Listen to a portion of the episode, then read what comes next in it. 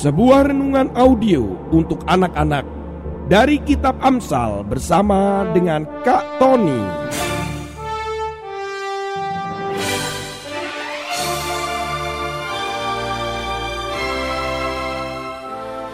Audio inspiring message for kids.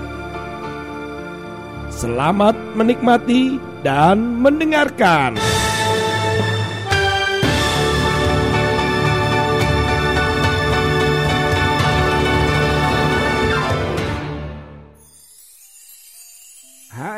Anak-anak. Wah, kalian pernah nggak ikut lomba lari? Ayo. Kak Tony dulu waktu kecil ketika Kak Tony menggeluti olahraga bulu tangkis. Maka lari itu adalah bagian yang harus Kak Tony lakukan loh anak-anak. Nah ini ada sebuah lomba yang diadakan sejak tahun 2001 yaitu Quad City Marathon. Lomba maraton ini jauhnya itu anak-anak ya. Jauhnya itu menyusuri sungai yaitu sepanjang sungai Mississippi di Illinois dan Iowa dengan hadiah 3000 US dollar. Itu kira-kira berapa ya nak ya? Ya kurang lebih ya, hampir 45 sampai 50 juta gitu ya. Lomba ini sejak tahun 2001 tidak pernah sekalipun dimenangkan oleh orang Amerika sendiri anak-anak. Tetapi tahun ini benar-benar sebuah keajaiban yaitu Taylor Pence yaitu pria Illinois yang memenangkannya loh anak-anak dan mendapatkan hadiah itu tentunya. Wah wah wah. Kenapa ya? Kok ketawa sih? Ya memang kejadiannya karena keajaiban anak-anak. Mengapa? Sebenarnya nih sebenarnya yang menang itu adalah pelari-pelari dari Kenya yaitu Elijah Mewangangi Saulo dan Lucky Bet. Tetapi ada masalah anak-anak. Ternyata mereka berdua ini salah jalan. Yang jalannya itu harusnya belok, ternyata mereka berdua larinya lurus saja. Mengapa demikian? Ternyata kedua pelari Kenya ini mengikuti salah satu sukarelawan yang sedang naik sepeda. kok bisa loh ya? Naik, mau lari kok ngikuti orang naik sepeda. Mereka berdua protes kepada panitia. Tetapi tetap saja ditolak anak-anak. Karena tetap saja mereka salah jalan. Dan akhirnya pelari ketiga setelah mereka itu adalah Ya tentunya Tyler Pence tadi anak-anak. Ya apa mau dikata memang tetap harus dia mendapatkan hadiah itu, kemenangan itu didapatkan karena dia tidak salah jalan. Dengan catatan waktu 2 jam 15 menit 6 detik, akhirnya memang Pence memenangkan pertandingan itu. Nah, anak-anak konyol juga kan? Bagaimana ketika seharusnya menang tetapi ya boro-boro menang dapat hadiah. Ternyata sudah capek gitu kan? Wah, karena salah jalan ya. Firman Tuhan hari ini kita baca di dalam Amsal pasal yang ke-14 ayat yang kedua.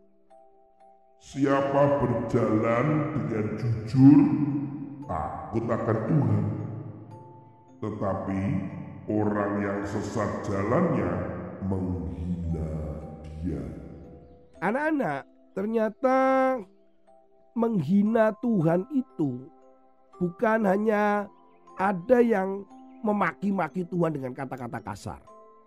Serius nih, ada orang yang marah-marah, dan kemudian mengatakan kata-kata kotor, makian dengan Tuhan.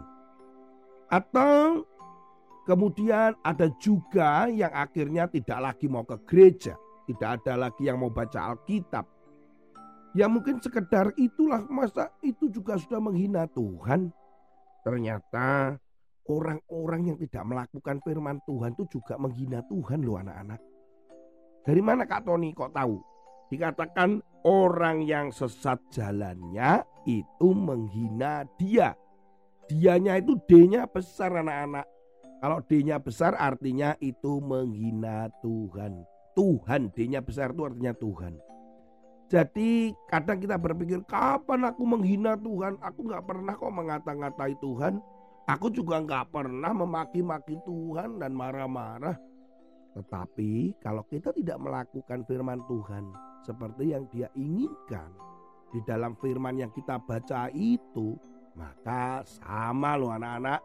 Kita ini sama dengan orang yang menghina Tuhan. Jadi kita mesti hati-hati anak-anak. Tapi sebaliknya, orang yang kelihatan jujur terus itu artinya orang itu takut akan Tuhan. Karena jujur ini nggak bohong kan. Jadi dia tahu bahwa dia sedang melakukan firman Tuhan. Nah, jangan sampai kita salah jalan loh anak-anak. Seperti itu tadi, si dua pelari Kenya. Wah sudah bagus-bagus ngikutin maraton dan pasti menang. Eh salah jalan. Dikatakan siapa berjalan dengan jujur Ya berjalan yang benar gitu maksudnya. Jangan sampai berjalan salah. Gara-gara mengikuti orang yang naik sepeda tadi. Kalau kita jangan-jangan ada orang yang di depan kita selalu mengajak kita untuk berbuat salah, berbuat dosa. Itu adalah kesesatan. Sesat itu artinya orang ini melakukan atau berjalan tidak sesuai jalurnya atau tidak sesuai dengan firman Tuhan gitu loh. Nah, kalau kita terus ngikuti teman-teman kita, ngikutin kelompok-kelompok kita, waktu di kelas, waktu online, waktu kita bermain, bermain game lagi gitu kan, waduh. Nah, Kak Tony aja sering tuh ada anak-anak yang bermain itu menggunakan ucapan-ucapan tulisannya tuh dengan kata-kata kotor. Waduh, ini kan sama ini dengan disesatkan kan. Ya, ayo mari kita tetap berkata jujur, melakukan firman Tuhan. Bukan membenci Tuhan, tetapi menyayangi dan mencintai Tuhan Yesus. Sampai ketemu pada episode yang lain bersama dengan Kak Tony. Tuhan Yesus selalu memberkati dan menyayangi kalian. Haleluya. Amin.